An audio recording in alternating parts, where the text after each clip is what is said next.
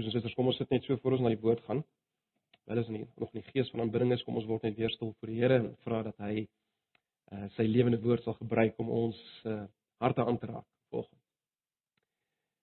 Ja, Here Jesus, ons kom weer na U toe. U vir wie alles baie min waarde het. U wat dit werd is om aanbid te word. Here, U het ons gemaak om ons hoogste vreugde in U te vind. En ons wil vra dat U deur U werking van die Gees en U woord al meer ons so sal verander en sal vernuwe en sal vul en oorweldig deur wie U is sodat ons ons hoogste vreugde in U sal vind. Ag Here, doen dit vanoggend vir ons deur die woord. Asseblief. Ek bid vir oggend vir elkeen wat nie hier is nie, Here, ons is so bewus van die baie mense wat nog op die pad moet gaan hierdie naweek ook uit ons gemeente. Ons wil vra dat U hulle sal bewaar dat U hulle veilig sal terugbring. Dan dink ons aan die vele in ons gemeente wat in hierdie oomblikke, soos ons hier by mekaar is, swaar kry en siek is. Ly. Ag, Here Jesus, ons bid dat U in besonder by hulle sal wees. Dat U in besonder hulle sal vashou en hulle sal vertroos. En dat U hulle oë sal oprig om U te sien, die gekruisigde Jesus wat verstaan waar ons gaan, maar wat ook oorwin het. En uiteindelik ons sal deel in sy triomf en sy heerlikheid. Nou wil ons vra Here dat U vanoggend met ons sal praat wat hier is. Op 'n besondere manier. Ons doen dit in swakheid, Here, in 'n groot bewustheid van ons eie gebrokenheid, maar ons doen dit omdat ons weet U is hier, U het opgestaan, U is in ons midde deur die Gees en ons is U liggaam. Kom voed ons, kom bou ons, kom verander ons deur U woord. Ons vra dit in Jesus se naam. Amen.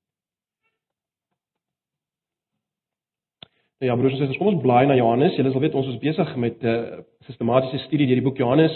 Ons het in verlede Sondag uh, stil gestaan natuurlik uit die aard van die saak by die kruis en die opstanding van Jesus.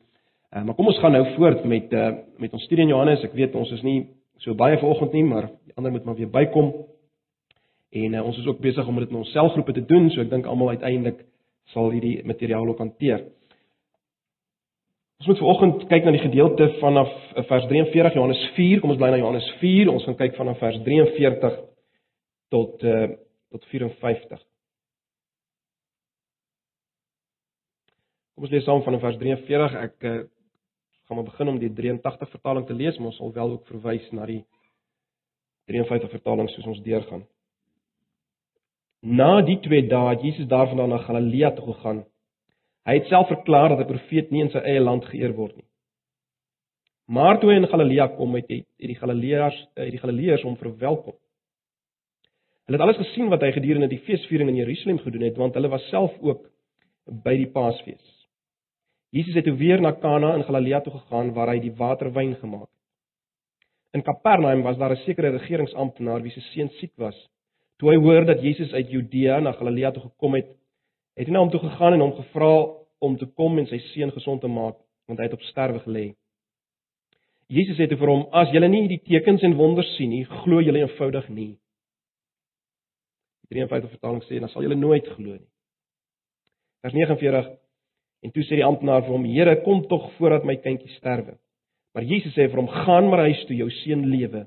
Die man het geglo wat Jesus vir hom gesê het en gegaan. Toe hy nog op pad was, het sy werksmense hom al tegemoet gegaan en vertel dat sy kind lewe. Hy vra hulle toe presies wanneer hy begin beter word het en hulle antwoord hom gisteraand 7 uur het die koors hom verlaat. Die pa het besef dat dit op daardie selfde oomblik was waarop Jesus vir hom gesê het jou seun lewe. En hy en sy hele huisgesin het tot geloof in Jesus gekom. Dit was die tweede wonderteken wat Jesus gedoen het nadat hy weer uit Judea na Galilea toe gekom het. Nou broers en susters, Julle onthou reg in die begin in die proloog, die inleiding van Johannes, sê Johannes in uh, hoofstuk 1 vers 14 dat uh, hy en die ander disippels uh het die heerlikheid van Jesus aanskou uh die heerlikheid van die enigste seun van die Vader vol genade en waarheid. Dis wat hulle gesien het as hulle na Jesus gekyk het. Die heerlikheid van God in Jesus, vol genade en waarheid. Nou, dis moontlik dat jy dalk volgens hier sit en en en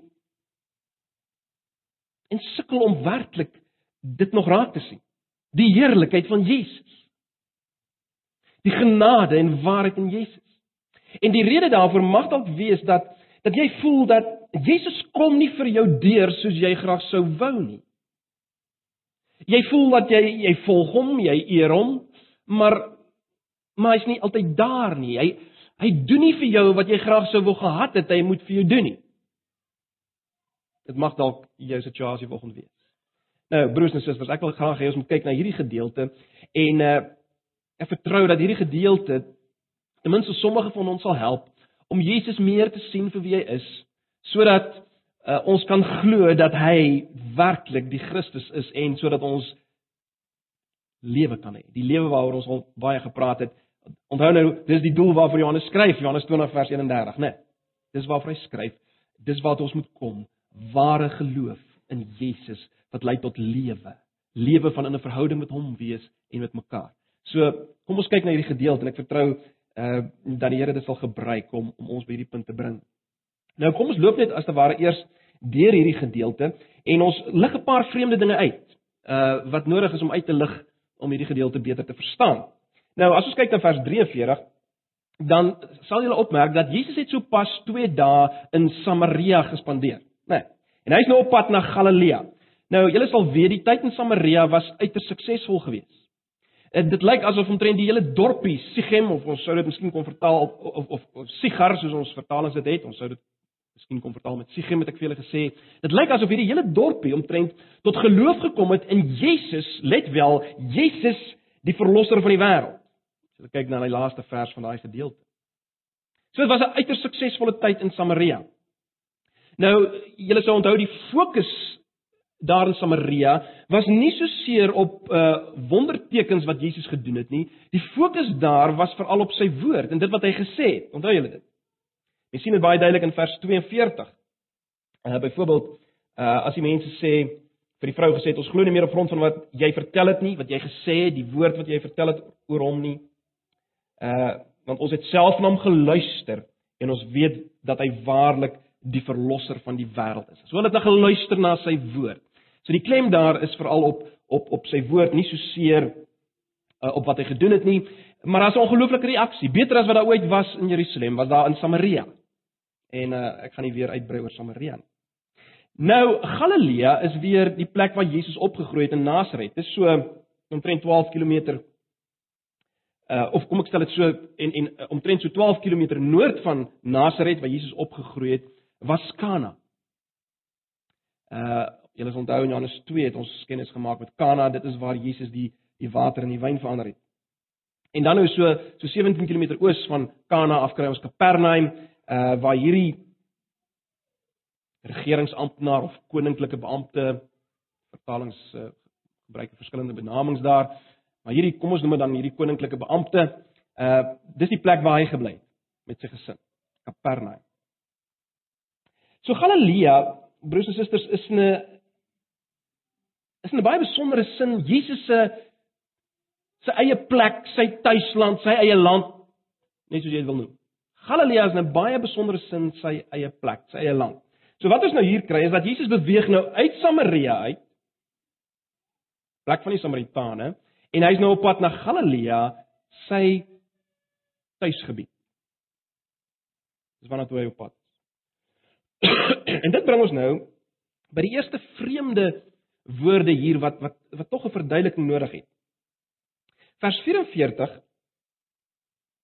begin met die woordjie want in die Grieks. Hulle sal dit uh, duideliker sien in die uh, 53 vertalings as jy dit voor jou het. Dit, uh, ongelukkig baie keer hierdie voegwoorde word weggelaat uit die 83 vertaling, maar dis letterlik wat daar staan. Daar's 'n want in vers 44.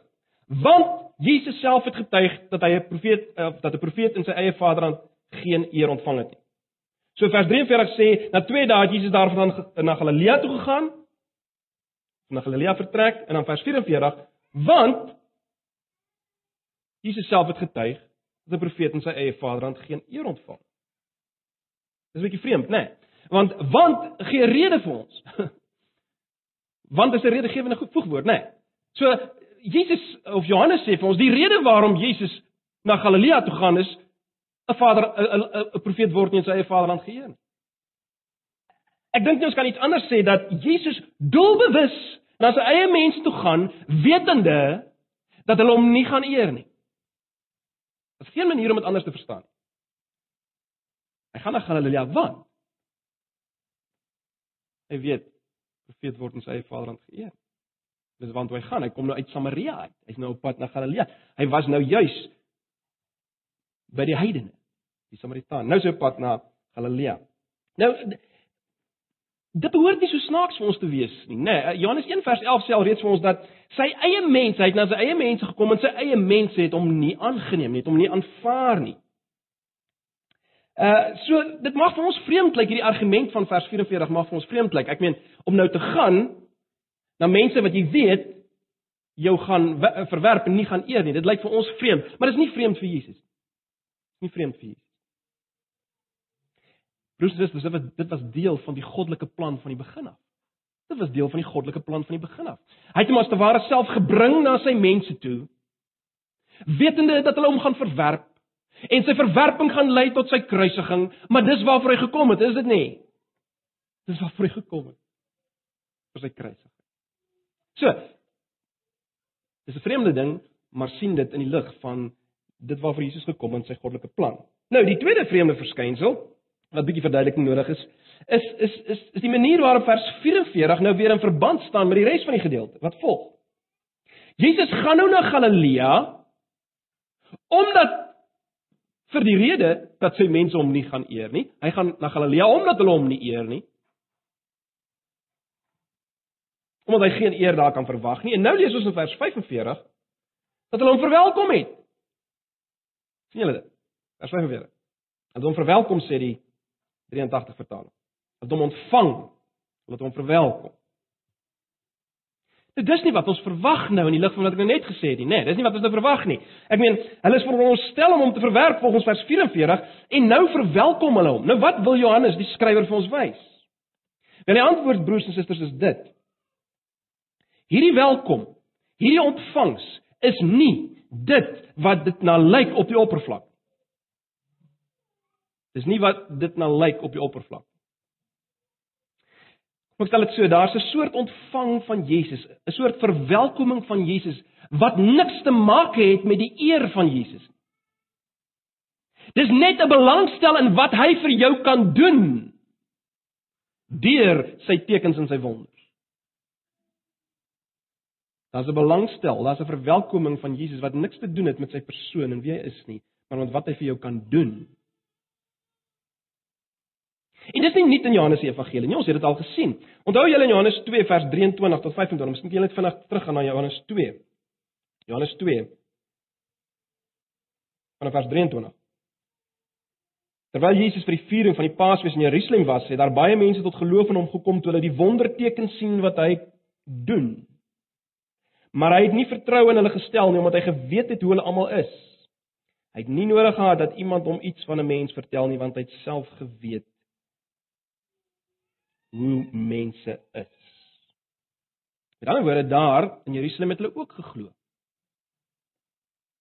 Maar is nie die soort geloof, dit was nie die soort geloof wat Jesus aanvaar het nie. Dit was blote opgewondenheid oor sy wonders, né? Nee. Dit was nie 'n opgewondenheid oor dit waarna die wonders gewys het nie. Terloops, die hele punt in Johannes Evangelie is dat die wonders wat Jesus doen is teken. Dit wys na wie hy is. Dit wys na die mag en die skoonheid en die majesteit van Jesus. Dis waaroor dit gaan. En dis die dinge wat die Samaritane gesien het. Nee, hulle het gesien hy is die verlosser van die wêreld. Hulle het sy mag en sy majesteit en sy skoonheid gesien. Dis wat hulle gesien het. Alhoewel daar geen klem was op op op wonders in daai geval nie. Het hulle dit gesien deur sy woord. So dis wat ons kry daar in Jerusalem. Nog 'n voorbeeld van hierdie soort kom ons noem dit vals geloof of kunsmatige verwelkoming van Jesus. Nog so 'n voorbeeld word gesien in sy broers. Blaai bietjie net aan nou na Johannes 7 toe. Fascinerend, Johannes 7. Kom ek lees dit in die 53 vertaling. Jy's weer omrede hier 'n wand is wat ons moet raak sien. Baie interessant. Johannes 7 vanaf vers 3. Sy broers het toe vir hom gesê: "Vertrek hiervandaan en gaan na jou uh, uh, gaan na Judea sodat u disippels ook die werke kan sien wat u doen." Die wonderdade, né? Nee. Vers 4: Want niemand doen iets in geheim en soek te gelykheid om in iedereen se mond te wees nie. As jy hierdie dinge doen, vertoon jouself aan die wêreld en wys vir die ander ouens. En dan vers 5: Want ook sy broers het nie in hom geglo nie. So wat sien ons hier? Sy broers het ook geglo hy kan wonders doen. Hulle het geglo. sien julle dit? Hulle was selfs ywerig. Hulle was ywerig dat hy hierdie wonders vir die ander ouens moet wys. Hulle wou graag hê hy moet dit vir die ander mense wys. Maar vers 5 sê, hulle het so gepraat al het hulle nie aan hom geglo nie. Om waarheid te sê, juis omdat hulle nie aan hom glo nie, het hulle so gepraat. Gewys vir die ander ouens die wonder. Fascinerend broers, hy het gekom na sy eie en na sy eie broers en hulle het hom nie ontvang nie. Ja, hulle het gedink net soos die mense hier in in in in in Galilea het hulle gedink dat hulle Jesus verwelkom het. Maar hulle het nie verstaan nie. Hulle het nie oë gehad om hom te sien nie. Hulle het hom nie geëer nie. Ja, hulle het hom nie geëer nie, selfs al het hulle vreeslik baie van hom gemaak. Dit moet ons hoor. Selfs al het hulle vreeslik baie van hom gemaak, het hulle hom nie geëer nie. Hulle baie van hom gemaak as 'n wonderwerke. Maar hulle hom nie geëer nie. En dit was dit is wat ons kry in Johannes 4. As ons net weer kan terugkom na Johannes 4. Dis wat ons kry in Johannes 4 vers 45 tot 48. Hulle het hom verwelkom. Verwelkom, maar baie interessant. Johannes die skrywer wys daarop vir ons uh in die tweede deel van vers 45 sê want hulle was self ook by die Paasfees. Hulle was by hierdie feesvieringe in Jerusalem. Hulle het gesien wat hy daar gedoen het. Nou as jy terug onthou nou in Hoofstuk 2 vers 23 staan daar spesifiek dat hy baie tekens en wonders gedoen het daar. Wat nie vir ons beskryf is natuurlik nie, maar hy het tekens en goed daar gedoen in Jerusalem. Dis wat hulle gesien het. En dis hoekom hulle hom verwelkom het. Hulle het hom verwelkom broers en susters omdat hulle hierdie werke van krag in Jerusalem gesien het. Uh Dis dis hoekom. En Jesus kom nou na hulle toe wetende dat hulle dat hulle houding is. En baie interessant in, in vers 46 uh lê Johannes ook klem daarop dat uh dat Jesus na Kana gekom het. En dat Kana die plek was waar hy sy eerste wonder gedoen het, om water in wyn te verander het. Hy lê klem daarop. So dis wat ons hier kry.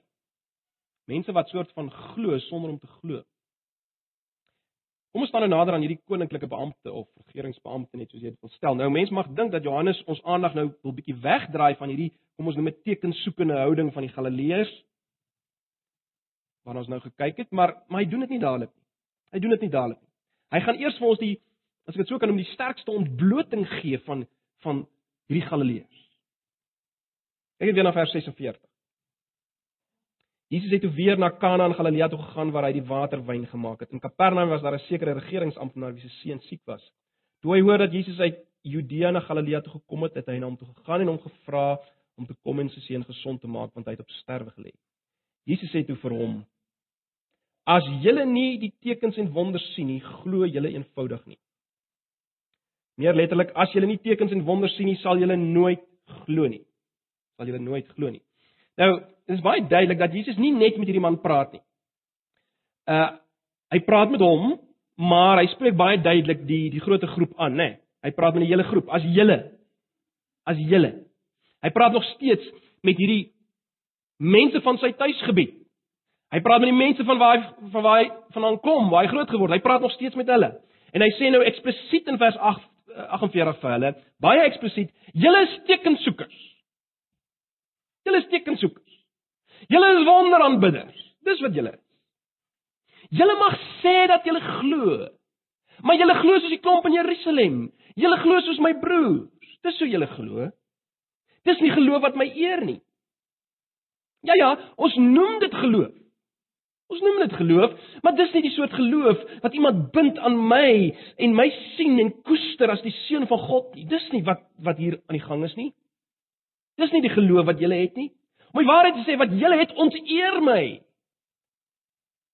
So, vers 48 kan ons sê is die mees eksplisiete uitspraak van almal. Dis die mees eksplisiete uitspraak van almal saam met vers 44 aangaande die feit dat 'n profeet nie geëer word in sy eie vaderland. Dis wat ons moet raak sien. Mees eksplisiete uitspraak saam met vers 44 dat 'n profeet nie geëer word in sy eie vaderland. Maar nou is die vraag natuurlik wat van hierdie amptenaar? Was hy deel van hierdie skare wat uh geglo het maar nie regtig geglo het nie? het hy net as as 'n tekensoeker geglo, nie 'n verlosser soeker nie? Moet ons dink oor hierdie man. Was hy was hy net 'n liefhebber van wat Jesus vir hom kon doen? Of was hy 'n liefhebber van Jesus se persoon? Het Jesus se persoon liefgehad? En broers en susters, dit lyk vir my asof Jesus hierdie man toets. Julle sou gesien het hierdie hierdie man, hierdie amptenaar, hierdie beampte, hy vra 'n wonder vir sy sterwende seun en hy vra dit in 'n milieu, in 'n omgewing waar waar mense graag wonders wil sien. So so dis in hierdie omgewing waar hy dit nou vra. So met ander woorde, dit lyk asof hy dit vir vir dieselfde rede vra as wat 'n ongelowige dit sou vra. Met ander woorde, dit lyk asof hy dit vir dieselfde rede vra as wat 'n ongelowige vir 'n wonder sal vra. Met ander woorde, iets soos Ek het 'n gesondheidsprobleem. Kan jy asseblief dit vir my oplos? En nie, ek het 'n sondeprobleem. Kan jy my asseblief dit vergewe en vir my krag gee om vir u te leef nie, né? Nee. So dit lyk asof hierdie man ook so. Dit lyk so op die oppervlak. Kyk broers, broers en susters, ons moet onthou, ongelowiges het God nie lief nie. Hulle graag hê God moet hulle dinge doen. So Jesus sê baie reguit vir hierdie man saam met die ander. Hy sê vir hulle en dit is bietjie kras amper. Hy en hierdie ou kom na hom toe en hy hy's bietjie smit hom. Hy sê vir hom: "As julle nie tekens en wonders sien sal julle nooit glo nie." Dis interessant, hy gebruik die term tekens en wonders. Hulle het nie verstaan dat tekens eintlik wys na iets anders, na Jesus. Maar goed, die punt is hy hy hy maak hom af. Hy praat redelik kras met hom. Ek sê weer, dit lyk vir my ons het hier 'n toets, soos wat Jesus die Sirofenisiese vrou toets. Onthou julle aan Markus 7, dan sê hy vir hierdie vrou wel, dis dis nie mooi om vir die uh, om die, om die om die brood van die kinders vir die hondjies te gooi nie. Hy toets haar. En uiteindelik maak hy 'n wonderlike aanbeveling oor haar geloof. Sê o vrou uh, vrou groot is jou geloof. Groot is jou afhanklikheid, jou totale afhanklikheid van my ten, ten spyte van alles. So hy toets die vrou daar en tog ehm um, het sy 'n ware geloof gehad. So dit lyk vir my dis iets wat ons iets van dieselfde wat ons hier het. Hoe reageer hierdie amptenaar as Jesus hom as te ware afjak saam met die ander en sê Hulle nie tekens en wonders sien as hulle nooit glo nie. Hoe reageer hy? Wel, hy reageer eers glad nie daarop nie, nê. Nee. En dan herhaal hy net sy versoek in vers 49. En toe sê die amptenaar vir hom: "Here, kom tog voordat my kindjie sterf." En nie Jesus of Johannes die skrywer lewer enige kommentaar hier op uh, op op hierdie man se erns nie. Jesus gee hom bloot 'n gawe in vers 50. Kyk na vers 50. Is nie ongelooflik nie. Maar Jesus sê vir hom: "Gaan na huis toe, jou seun lewe." En dan sê Johannes vir ons dan sê Johannes vir ons: "Die man het geglo wat Jesus vir hom gesê het en gegaan." Nou broers en susters, die verbasende ding, die belangrike ding wat ons hier moet raak sien, is dat hierdie man het gevra dat Jesus saam met hom moet kom.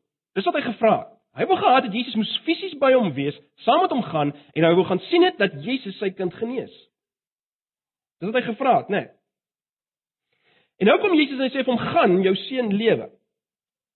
En dan gaan die man. Dan gaan die man. Hy gehoorsaam sonder 'n vraag.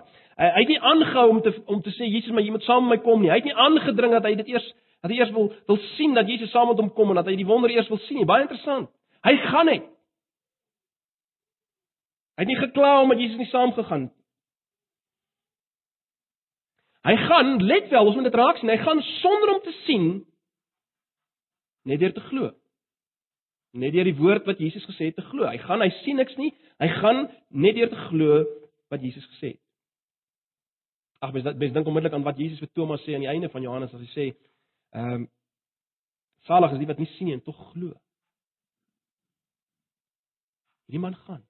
En broers en susters, dit lyk vir my iets gebeur hier. 'n Mens kan As te ware sê dat iets word word wakker hier en hierdie man sien iets meer in Jesus as blote wonderwerker. As Jesus so soewerein praat met gesag, dan sien hierdie man iets meer as net 'n blote wonderwerker. Hy glo, hy sien niks nie, maar hy glo en hy loop op grond van Jesus se woord. Al is Jesus afwesig. Ek lê klem op die woord afwesig. Al is Jesus sigbaar afwesig, gaan hy op grond van die woord van Jesus. En dan uiteindelik sien ons uh dat daar bevestiging is die volgende dag dat hierdie genesing plaasgevind het op die oomblik toe Jesus gepraat het en en dit herbevestig en dit verstewig hierdie man se geloof. Uh en dan baie interessant in vers 51 tot 53 sien ons dat uh dat sy familie ook geglo het, né? Nee. Kyk na die einde van vers 43. En hy en sy hele huisgesin het tot geloof in Jesus gekom. Hy en sy hele huisgesin het tot geloof in Jesus gekom. Dit is baie interessant Dit lyk asof Johannes die skrywer vir ons wil wys dat dit wat hier gebeur het, die geloof waartoe hy en sy huisgesin gekom het, dieselfde is as die geloof uh wat die Samaritane gekry het. Deur die getuienis van die vrou nie. Dit lyk asof asof hierdie man dieselfde oorborrelende fontein van lewe be belewing gehad het. Hy het gepraat oor Jesus en sy gesin het tot geloof gekom. Dan wil Johannes wil hê ons moet sien, dit wat hier is is dieselfde as wat in Samaria aanwesig was, ware geloof in Jesus. So dit was die amptenaar. Nou is die vraag broers en susters, maar wat is die wat is die hoofpunt van hierdie gedeelte? Wat sê dit vir ons, né? Nee. Ons moet dit vra. Wat wil die skrywer hê moet ons sien? Wat doen hy? Wel broers en susters, Johannes doen wat hy oor en oor doen in sy evangelie. Wat hy doen is om vir ons die heerlikheid te wys van Jesus, die enigste seun van God, vol genade en waarheid. Dis wat hy vir ons wil wys. Dis wat hy wil doen. Maar nou wil hy hier vir ons iets meer doen. Hy wil vir ons help om die struikelblokke in ons pad om dit te sien. Hy help ons om die struikelblokke te verwyder, om die struikelblokke raak te sien wat verhinder dat ek en jy die heerlikheid van Jesus sien, vol genade en waarheid. Johannes wil daai struikelblokke vir ons uitwys sodat ons dit weg kan ruim. Uh en hy doen dit deur vir ons te wys watter dinge hou mense weg daarvan om Jesus te eer vir wie hy is, nie vir wat hy kan doen vir jou nie, maar vir wie hy is. So. Ons kyk na hierdie twee doelwitte van Johannes en ons probeer sien hoe dit ons raak. Hoe dit my raak. Vergeet van die ou langs jou. Vergeet van die ou wat volgens nie is nie en vra jouself hoe raak dit vir my? So kom ons kyk eers watter dinge weerhou mense in die lig van hierdie gedeelte in hierdie konteks? Watter dinge weerhou mense daarvan om Jesus se heerlikheid te sien, sy genade te sien en nie net te sien wat hy kan doen vir jou nie. so watter dinge verhinder dat jy dat Jesus kan sien en nie net vaskyk teen wat hy kan doen vir jou nie. Wat so dis die eerste ding waarna ons gaan kyk. Die tweede ding ehm uh, wel wat sien ons van die heerlikheid van Jesus hier? In hierdie in hierdie wonder, in wat hy hier doen, in hierdie wonderwerk. Wat sien ons van die heerlikheid van Jesus? Want ons moet dit sien. As ons wil glo. Waarlik wil glo. So kom ons kyk dan. Vers 42 broers en susters, is die sleutel. Vers 42 sê vir ons wat staan in die pad van 'n ware verstaan van Jesus en reddende geloof in hom. En dit is Ekskuus, ek ekskuus ek sê vers 42, nie vers 42 nie. Ehm um, vers 44. Profeet word nie in sy eie vaderland geëer. Profeet word nie in sy eie vaderland geëer nie. Kom ek stel dit so. Daar is iets of daar was iets van van deel te wees van die plek waar Jesus gekom het wat gemaak het dat hierdie mense nie 'n ware geloof in Jesus kon hê nie, wat dit verhinder het. Kom ek sê dit weer. Die deel wees of deel hê aan die plek van waar Jesus gekom het, was 'n hindernis vir hierdie mense hier na 'n ware geloof in Jesus, 'n sien van die heerlikheid van Jesus. Nou, onmiddellik sal jy sê wel, is niemand van ons wat van Galilea se se wêreld afkom nie, so wat het dit met ons te maak? Raak dit ons? Kom ek stel dit so, die die die basiese sondige ingesteldhede wat gemaak het dat sy eie mense hom nie ontvang het om hom geëer het vir wie hy is nie. Daardie selfe sondige ingesteldhede kan in ons wees. En dis wat ons moet raak sien volg. Dat dieselfde sondige ingesteldhede van die mense wat van sy tuisgebied af gekom het kan in ons wees. So kom ek kom ek lig 'n paar dinge uit. Mens moet dit nou maar soort van 'n 'n naam gee. So kom ons sê die eerste ding is is as ek dit so kan noem, die hoogmoed van verbind te wees aan iemand of iets spesiaal. Dis die eerste struikelblok om Jesus te eer vir wie hy is. Die hoogmoed om verbind te wees aan iemand of iets spesiaal. Dis die eerste struikelblok om Jesus te sien vir wie hy werklik is. En, en dis wat ons hier sien. Daar was 'n soort van 'n gevoel van belangrikheid by hierdie mense wat in dieselfde gebied gebly het as Jesus. Kyk, hulle kon sê dat hierdie wonderwerker hierdie wonderwerker, hierdie ou wat hierdie wonderwerke doen, het opgegroei in hulle tuisdorp. Ek meen ek bly daar man. Dis wat hulle kon sê. En dit broers en susters het gemaak dat uh hulle wou hê dat hy moet wonders doen. Dis dis die rede hoekom hy hulle wou gehad het hy moet wonders doen. So op die oppervlak, op die oppervlak eer hulle hom, né? Nee. Maar wag, wag, wag, hoekom wil hulle dit doen? Hoekom wil hulle hom?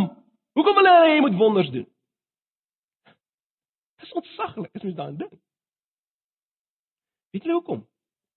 Want hoe meer wonders hy doen, hoe beter lyk hulle. Hoe meer wonders hy doen, hoe beter lyk hulle want hulle kom van sy tuis, hy kom van hulle tuisdorp af. En as hy nou wonders doen, dan kan hulle hom sê, "Wel, ek kom van daai plek waar hy is en dan lyk hulle beter." Jy sien dit staan in die pad van 'n sien van wie Jesus werklik is.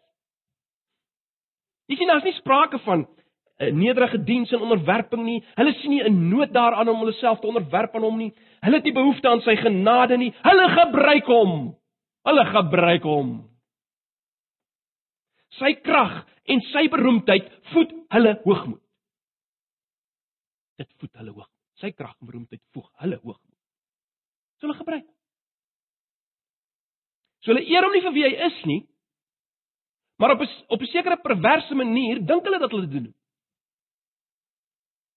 Nou, broers en susters. Hierdie ingesteldheid kan by ons ook wees en ons weghou van 'n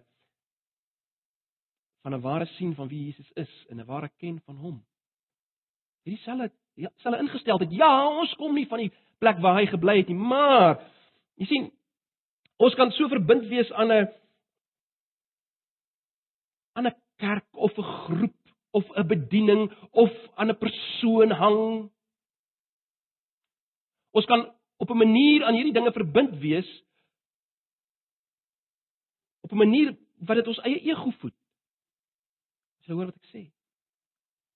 Ons kan verbind wees aan so iets op 'n manier wat ons eie ego voed, of dit nou 'n kerkgroep is of 'n teologiese rigting is of of dit 'n persoon is, 'n sekere prediker is, of 'n bediening waarmee ek besig is, maak nie saak wat dit is nie. Sien dit lyk baie goed en is so Christelik. Maar op 'n subtiele wyse begin ons hierdie ding najag. Hierdie bediening vir die kerk of vir die groep of wat dit mag wees, ons begin dit najag nie sodat Christus geëer kan word nie, maar sodat my eie ego gevoed kan word. Baie subtiel, broers en susters. Maar is met ons. En as dit gebeur, word dit moeiliker en moeiliker en moeiliker om Jesus te sien vir wie hy is, om sy genade te sien. En om te eer vir wie hy is daarmee saam 'n tweede ding is is 'n gevoel van ek het reg op sekere dinge. Dis 'n tweede kom ek noem dit tuisgebied ingesteldheid wat hier by hierdie mense uh, aanwesig was. Ek het reg daarop. Ek het reg op die seënings van Christus. As dit jou denkwyse vanoggend is, ek het reg op sekere seënings van Christus. Grond van wie ek is en waar ek my bevind, het ek reg dat hy sekere dinge vir my moet doen. Broers en susters, as hierdie denke by jou is, gaan jy nooit die genade van Jesus verstaan nie. Jy gaan dit nie verstaan. As daar nog 'n subtiele manier van dink is dat ek het reg daarop dat hy my seën. Hy moet dit doen. Hy moet my help. Sê nooit om sien vir wie hy is. Hand aan hand hiermee is daar wat ek wil noem 'n klem op aanwesigheid. Dit dit gaan saam met wat ek eintlik nou gesê het, nê, nee, maar maar hierdie klem op hy moet daar wees. Hy moet aanwesig wees en hy moet doen wat ek wil hê hy moet doen op my tyd soos ek dit wil hê. Klem op die aanwesigheid van Jesus. Dit is baie interessant in Johannes Evangelie hoe dikwels Jesus juis afwesig is waar mense wil hê hy moet aanwesig wees, maar goed. Klem op hierdie aanwesigheid van Jesus. En dan 'n uh, 'n vierde ding wat weer basies die teenoorgestelde is, maar ook 'n struikelblok is. Struikelblok is in die weg om Jesus se heerlikheid te sien. 'n vierde ding is wat ek wil noem 'n oor bekendheid met Jesus. Om familier te wees met Jesus. So hy's bietjie anders as die ander. Hy's eintlik teenoorgestelde, maar dis sonde, né? Nee, hy's subtiel. Hy druk jou ook van aan die een kant of hy druk jou na die ander kant toe. Maar hy oor bekendheid met Jesus. Dit dit is dis geweldig subtiel uit hulle perspektief daar. Ek meen, hulle ken hom. Hulle ken Jesus. Hy het saam met hulle groot geword, man. Ja, hy het daar gewerk. Skrynwerker gewees. Ek bedoel, hulle ken hom. Hy is so gewoon. Hoe kan hy nou op al hierdie dinge aanspraak maak? Dis teenoorgestel, jy sien. Broers en susters, dit kan met ons wees, né? Nee. Hierdie manier van denke. Ons is so familier met die Bybel en met Christendom. Ons verwag niks meer nie. Niks kan ons meer skok nie. Verwag geen krag nie. Verwag niks nie. Alles is so bekend. Ons weet van alles. Ons God pas pragtig in ons prent en ons het hom mooi vasgevang. Ons weet presies hoe hy is en hoe hy werk. Niks kan ons verras nie. Ons weet alles. Dis net so gevaarlik. Staan net so in die pad. Om Jesus te sien vir wie hy werklik is. Hy's te bekend. Ag broers en susters, ons moet waak teen hierdie ingesteldhede. Kom ek stel dit so. Die eerste 3, as ek dit so kan stel, maak sy genade minder. Die eerste 3 maak sy genade minder. Hierdie laaste een maak sy krag minder. Dis albei dodelik. Om sy genade minder te maak, om sy krag minder te maak, en dit maak dit jy om nie sien vir wie hy is nie en hom nie kan aanbid nie en nie kan glo nie. So al al albei is ewe gevaarlik. So goed. Kom ons kyk nou. Wat vertel hierdie wonder ons van Jesus? Want Johannes, die skrywer wil hê ons moet genesing kry vir hierdie vir hierdie ingesteldhede. Hierdie struikelblokke. Hy wil hê ons moet die heerlikheid van Jesus aanskou. En die eerste ding wat ons hier sien van Jesus is eenvoudig dit. Jesus is genadig. Onthou Jesus kom wys ons wie's God. God is nie anders as hy nie. Johannes 1:18. Jesus kom wys ons God. En wat sien ons? Hy's genadig. Ons sien dit hier, né? Nee. Let bietjie op die genade wat hier gebeur het. Dink bietjie daaraan. Hy genees hierdie kind in 'n geweldige ongelowige atmosfeer. Ek meen, dit was die atmosfeer, die atmosfeer van ongeloof. Is dit nie wat hy vir hulle gesê het nie? As julle nie tekens en wonders sien nie, sal julle nooit glo nie. Dit is 'n atmosfeer van ongeloof. Dis hier waar hierdie kind genees. En dit is in hierdie konteks dat hy hierdie vrye gawe van genesing gee. En ek lê klem op hierdie uh op hierdie vrye gawe van genesing want onthou, hy het nie hierdie man geken nie. Hy het hierdie man nog nooit ontmoet nie. Hy het hierdie man nog nooit ontmoet. Baie interessant. Baie interessant en ek dink Johannes wil hê ons moet dit raak sien. Uh die feit dat Johannes klem lê daarop dat hy 'n koninklike beampte was of 'n regeringsbeampte, ek wil nie bemoei met die Grieks hier nie. Die punt is net uh die feit dat hy op klem lê, wil hy Johannes wil hê ons moet 'n verbintenis maak met Herodes se se hofhouding. Hierdie man was deel van Herodes se hofhouding. So onthou dit. Verder meer, hierdie man weet eintlik niks van Jesus. Hy sê niks van hom nie. Hy sê nie die regte dinge nie. Hy het nie die regte teologie, as ek dit so kan stel. Hy sê nie die regte dinge nie. Hy het niks te sê gehad oor die persoon van Jesus of oor die krag van Jesus. Hy het niks te sê. Hy wou maar net ge gehad het Jesus moes saam met hom kom. Hoekom lê klem hier op broers en susters bloot omrede ek wil hê julle moet sien. Dit was genade. Johannes sê ons het die heerlikheid van hom aanskou vol genade. Dis genade. Dat hy hierdie man genees. Die man van Kapernaum. Dis genade. Hy het nie gekyk na enige verdienste by hierdie man se kant nie. Daar was niks nie. Daar was niks aan te beveel nie. Dis net genade wat hy hom sy kind geniet. Ag broers en susters, as jy vanoggend nog voel dat dat jy op een of ander manier sy wonder mag verdien, dan verstaan jy nog nie genade nie. Jy verdien dit nie. Maak nie saak hoe baie jy weet nie. En hoe toegewyd jy is nie. En hoe baie jy stilte hou nie. Jy verdien nie sy aanraking nie. Jy kan dit nie verdien nie. sien sy genade. Hy hy kon, hy moes eintlik hierdie man verbygegaan. Hy's genade. Hy's genade. Maar tweedens hy's magtig. Ons moet dit nie mis nie. En baie van ons het dit nodig om dit weer te sien. Ons vergeet dat hy magtig is. Ons is so oor familier met hom. Hy's magtig. sien dit. Johannes wil nie net hê ons moet die genade van die genesing sien nie, hy wil hê ons moet die krag daarvan sien. Hierdie seun was besig om te sterf van koors.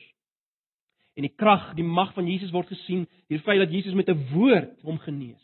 'n Woord van Jesus herstel die biochemiese balans of ek weet nie hoe mense dit moet stel nie, Saartjie, word genees in in in in hierdie seun en hy hy's weer gesond.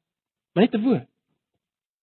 Verder word sy krag gesien in die feit dat geen afstand was 'n hindernis nie. Hulle het raak gesien. Hierdie seun was was meer as 17 km weg in Kapernaum, maar die punt is hy kon 5000 km weg gewees het. Dit sou geen verskil gemaak het aan die een aan wie alle mag behoort nie. Selfs toe, hoeveel te meer nou dat hy opgestaan het.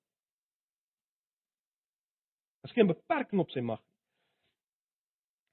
Die mag van Jesus word verder gesien natuurlik uit die feit dat hierdie genesing onmiddellik was.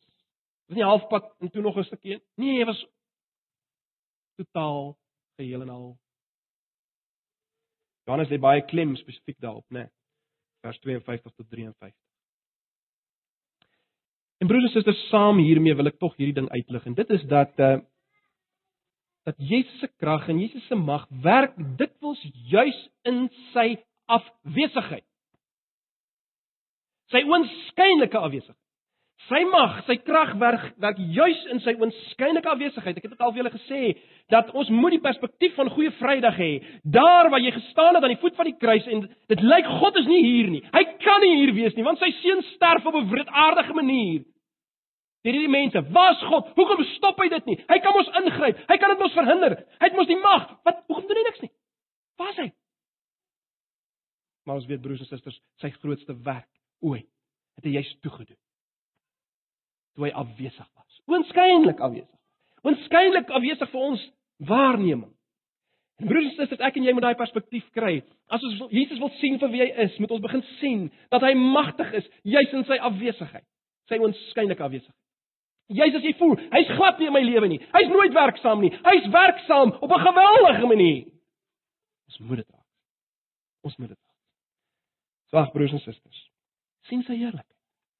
sien sy heerlikheid in hierdie gedeelte. In hierdie oomblik sal jy weet waar jy staan wat hierdie dinge betref. Jy sal weet hoe dink jy oor Jesus. Jy sal weet in watter mate hierdie struikelblokke wat is uitgelig by jou waar. So ek wil hê kom ons word vir 'n paar oomblik net stil in gebed. Elkeen by homself. Bring dit aan Jesus. Bely dit. En sien hom net weer vir wie hy is. Gee 'n paar oomblikke van gebed en sluit ek af. Eerlik Here Jesus, baie dankie dat ons in hierdie gedeelte juis as ons kyk na wat U doen dan sien ons die genesing vir ons tekort in geloof in die genade en ons tekort in geloof in die krag. Dankie dat ons dit albei sien juis hier, hierdie wonder, die genade en die krag. Selfs al lyk hy onskynlik afwesig. Ag, ons dankie daarvoor. Ons eer U daarvoor. Ons aanbid U daarvoor en ons wil vra, verbind ons weer opnuut aan U. Ag Here, gee vir ons 'n liefde vir U persoon. Nie vir dit wat U vir ons kan doen nie. Asseblief. Want Here Jesus, ons weet alleen dit sal ons deurdra ook in tye waar waar dit gaan lyk asof U totaal afwesig is. Tye van lyding, swak. gaan 'n verhouding met U ons deurdra. Asseblief, ons vra dit in Jesus se naam. Amen.